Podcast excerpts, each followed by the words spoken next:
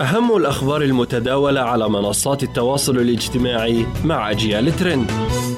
أهلا وسهلا بكم مستمعي ومستمعات أجيال هذا أجيال ترند. معكم حنان محبوبة. محمد صلاح والملكة إليزابيث. لماذا أثارت تغريدة النجم المصري في نعي ملكة بريطانيا الراحلة جدلا واسعا؟ أثار النجم المصري محمد صلاح جدلا واسعا عبر مواقع التواصل الاجتماعي بعد تغريدة رث فيها الملكة إليزابيث الثانية الأمر الذي أفضى إلى زج جسم مهاجم نادي ليفربول في جدالات وانتقادات وحملات للدفاع عنه.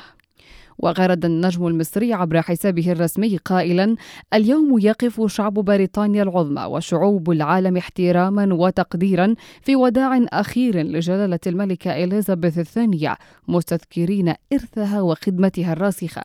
عزائي لأفراد العائلة الملكة في هذا اليوم التاريخي والعاطفي. لكن تغريدة صلاح لم تمر مرور الكرام وأثارت تفاعلا كبيرا.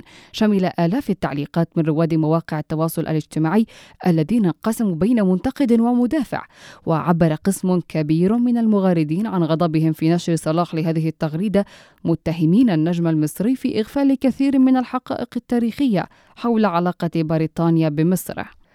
ورأى آخرون أنه كان حريا بالنجم المصري تجنب الخوض في أمر يعتبره قسم من المصريين مثيرا للجدل. وتجاهل موضوع تعزية الملكة إليزابيث كما فعل مع العديد من الأحداث السابقة.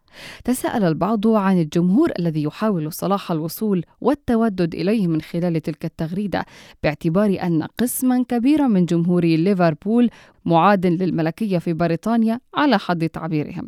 في المقابل انبرى كثيرون للدفاع عن اللاعب المصري مستنكرين تعرضه لحملات ممنهجة على حد قولهم.